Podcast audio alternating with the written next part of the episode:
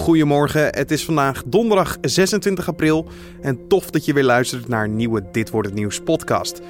Mijn naam is Carne van der Brink en ik praat je vandaag weer bij over het nieuws van afgelopen nacht en natuurlijk wat voor dag het vandaag gaat worden.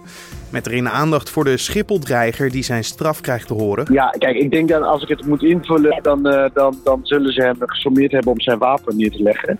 Maar omdat hij hier niet naar heeft geluisterd, hebben ze hem neergeschoten. En ook kijken we naar de vakantiedrukte in het verkeer. Maar eerst kijken we kort terug naar het belangrijkste nieuws van afgelopen nacht. Premier Mark Rutte heeft een motie van afkeuring overleefd. Hij kreeg 67 stemmen voor en 76 stemmen tegen.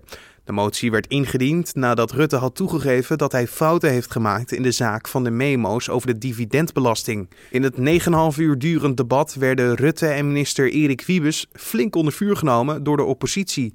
Als je meer wil lezen over de dividendbelasting en over dit debat, kan je natuurlijk terecht op nu.nl. Daar staat een zeer duidelijke samenvatting van wat er allemaal is gebeurd in dit 9,5 uur durend debat. Michael Cohen, de advocaat van de Amerikaanse president Donald Trump, beroept zich op zijn zwijgrecht in de rechtszaak die tegen hem is aangespannen door de pornoactrice Stormy Daniels. Cohen maakt gebruik van zijn recht. Dat betekent dat hij geen belastende informatie over zichzelf hoeft te geven. Cohen heeft wel toegegeven dat hij Stephanie Clifford, zoals Daniels echt heet, 130.000 dollar heeft betaald om een vermeende affaire met Trump stil te houden. De Amerikaanse oud-president George H.W. Bush is van de intensive care af na zijn ziekenhuisopname eerder deze week. Bush werd na de begrafenis van zijn vrouw Barbara opgenomen vanwege een infectie die zich naar zijn bloed had verspreid. Real Madrid heeft woensdag een grote stap gezet naar de derde Champions League finale op een rij en de vierde in vijf jaar. De Koninklijke wonnen dit heenduel met Bayern München in de halve finale met 1-2. En de return tussen Real en Bayern wordt volgende week dinsdag om kwart voor negen gespeeld in Madrid. Het onderzoek van de New York Times naar misbruik van filmproducent Harvey Weinstein wordt verfilmd. De film wordt een kijkje achter de schermen tijdens het journalistieke proces. Volgens een woordvoerder van Annapurna Pictures wordt het vergelijkbaar met de film Spotlight. Die ging over het onderzoek van de Boston Globe naar seksueel misbruik in de katholieke kerk. Het gaat dus niet om Weinstein of de slachtoffers, maar om het journalistieke proces dat alles in gang heeft gezet. En nou kijken we naar het nieuws van vandaag, oftewel dit wordt het nieuws. De meivakantie staat voor de deur. De start van de vakantie valt samen deze keer met een lang Koningsdagweekend. Veel mensen trekken er daarom een paar dagen op uit. En de AWB waarschuwt nu alvast voor een erg drukke avondspits. Daarover praten we met Edwin Gerritsen van de ANWB Verkeersinformatie. Collega Julian Dom vroeg hem hoe laat de drukte zal starten. Nou, de donderdagavondspits is sowieso altijd een van de drukste van de week. En hij begint vandaag ook nog vroeger vanwege het begin van de vakantie. Dus uh, ja, voor vier uur uh, smiddags zal er al, uh, zouden er al files staan. Oké, okay, en waar kunnen we knelpunten verwachten? Wat zijn sowieso ja, de moeilijke plekken? Nou, de grootste drukte verwachten we in het midden en zuiden van het land. Vooral op de wegen rond Utrecht en Amersfoort, de A1 en de A28. Maar ook mm -hmm. in het zuiden rond Den Bosch en Eindhoven. En zijn er nog afsluitingen waar we rekening mee moeten houden voor bijvoorbeeld het omrijden? Nee, nee, wel is het weer uh, erg druk in Den Helder voor de veerboot naar uh, Texel. Daar lopen de wachttijden waarschijnlijk flink op. Oké, okay, ja, een dagje Texel zit er natuurlijk ook wel in. Misschien zelfs een weekendje ja. met dat mooie Koningsdagweekend. Um, ja, zijn er ook nog gevolgen voor de verkeerssituatie in onze buurlanden bijvoorbeeld, als we er massaal op uittrekken? Ja, nou de Nederlanders die zullen ook uh, inderdaad naar de buurlanden vertrekken. Voor een lang weekend of een hele week weg. Dus Duitsland en België. Maar dan zal je daar zal, daar zal niet zoveel van merken. Uh, alleen in de spits zal het natuurlijk wel druk zijn. Dus het is beter om niet in de spits in, in Duitsland te gaan rijden. En um, ja, als we dan één dag verder blikken naar Koningsdag. Uh, hoe ziet het verkeer op zo'n dag er eigenlijk uit? Nou, op Koningsdag is er meestal weinig aan de hand wat files betreft. Dan zijn er mensen op de, op de jaarmarkten. Maar nee, files die staan er meestal niet. Dat was Edwin Gerritsen van de ANWB. Het Openbaar Ministerie heeft zes maanden cel geëist tegen een 29-jarige man die in december vorig jaar leden van de Koninklijke Marechaussee met een mes bedreigde op Schiphol. Vandaag doet de rechter uitspraak in deze zaak. Een bedreiging met een mes op Schiphol is een serieuze zaak. Julien Dom sprak erover met rechtbankverslaggever Joris Peters. Want wat gebeurde er daar op dat moment in december? Ja, het, het, het gaat hier om een, om een man die, die verward is. Dat is denk ik wel goed om gelijk even te vermelden. En wat er precies is gebeurd, ja, deze man die heeft dus uh, een politiepost benaderd... waar op dat moment vijf Max-leden zaten. Mm. Uh, hij heeft toen de deur van die post ingeslagen met een hamer... En daarna heeft hij een mes gepakt en heeft hij ze, heeft hij ze bedreigd. Nou, je, je, kan je voorstellen als dat op Schiphol gebeurt, dat het voor een hoop onrust zorgt. Zeker met de, met de eeuwige gedachte van de terroristische dreigingen die er is. Ja. Um, nou ja, dat, in dit geval was dat ook. Het zorgt voor een hoop eh, ophef.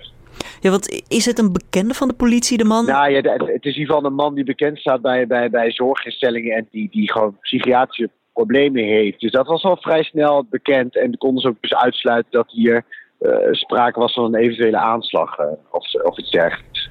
En desondanks is de man wel beschoten op dat moment zelf, toch? Ja, kijk, ik denk dat als ik het moet invullen, dan, uh, dan, dan zullen ze hem gesommeerd hebben om zijn wapen neer te leggen. Maar omdat hij hier niet naar heeft geluisterd, hebben ze hem neergeschoten. nou, je kan wel zien dat die mensen goed getraind zijn, maar dat is gebeurd in het been. de man is hier ook niet aan overleden, maar wel gewond geraakt. Uh, dit hebben ze trouwens ook meegenomen in de strafeis uh, van zes maanden. Omdat hij gewond is geraakt, is die, uh, valt die lager uit. Oké. En ja, waar wordt hij dan nu precies van verdacht? Het gaat om inderdaad om een bedreiging en dan om vernieling van die, van die post. je moet je voorstellen dat het Openbaar Ministerie en, en heus wel doorheeft dat, hij, dat we hier te maken hebben met een man die psychische problemen heeft. En, da, en dat een lange celstraf dan geen geen oplossing is. Uh, er is zes maanden geëist. hij zit al zit sinds uh, december in voorarrest. Dat zijn al vier maanden. Um, dus deze man uh, zal tussen haakjes snel op vrije voeten zijn. Want ze hebben ook al aangegeven dat hij dan in vreemdelingen in detentie zal worden opgenomen. Omdat hij het land wordt uitgezet. Heeft hij zelf ook iets gezegd over het incident? Nou, hij schijnt bij de politie wel enkele verklaringen af te hebben gelegd. Maar die zijn voor hun uh, zo barrig dat ze eigenlijk zelf niet achtergekomen zijn uh, waarom hij precies heeft gedaan wat hij heeft gedaan.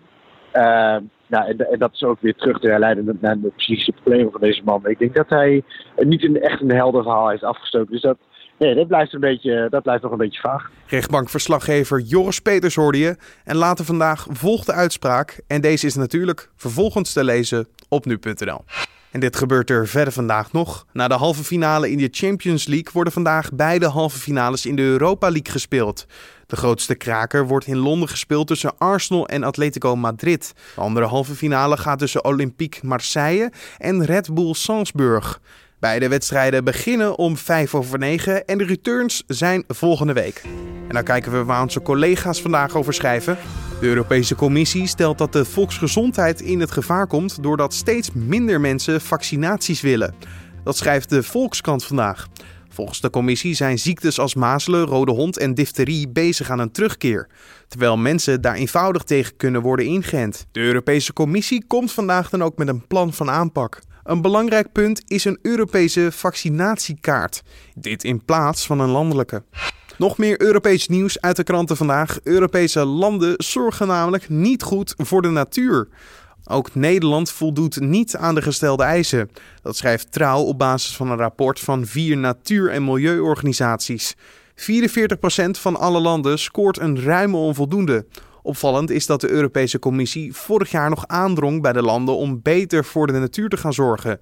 Dat heeft blijkbaar dus niks opgeleverd. Uit onderzoek van het Erasmus MC blijkt dat slangen gebruikt voor een endoscopie niet goed worden schoongemaakt. Dat staat in het AD vandaag. Van de 155 slangetjes die in 67 klinieken worden gecontroleerd, was 23 niet schoon. Dat betekent dat er nog bacteriën van de vorige persoon die is onderzocht aanwezig waren. En dan nog even het weer. De dag begint met regen in het hele land. In de middag verdwijnt de neerslag. Op sommige plaatsen klaart het op en is de zon nog te zien. Het wordt niet warmer dan 15 graden vandaag, maar ook niet kouder dan 11 graden.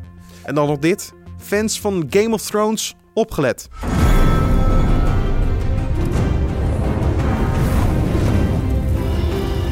Game of Thrones geestelijk vader George R.R. Martin heeft opnieuw de releasedatum van het zesde boek in zijn A Song of Ice and Fire serie, oftewel bekend als Game of Thrones, uitgesteld. Fans hoeven er dit jaar niet meer op te rekenen, zegt de schrijver. Martin bracht in 2011 het laatste deel A Dance with Dragons uit. En dat was het eerste deel dat uitkwam nadat de tv-serie Game of Thrones begon op HBO. De serie is inmiddels in de verhaallijn al de boeken gepasseerd. En het laatste seizoen van de fantasy-serie wordt ook in 2019 verwacht. Dus nog voor alle fans eventjes wachten op de serie, maar dus nu ook op het boek. Dit was dan de Dit wordt het nieuws podcast voor deze donderdag 26 april. Je vindt de Dit wordt het nieuws podcast natuurlijk elke maandag tot en met vrijdag om 6 uur ochtends op de voorpagina van nu.nl via je desbetreffende podcast app als Spotify of iTunes.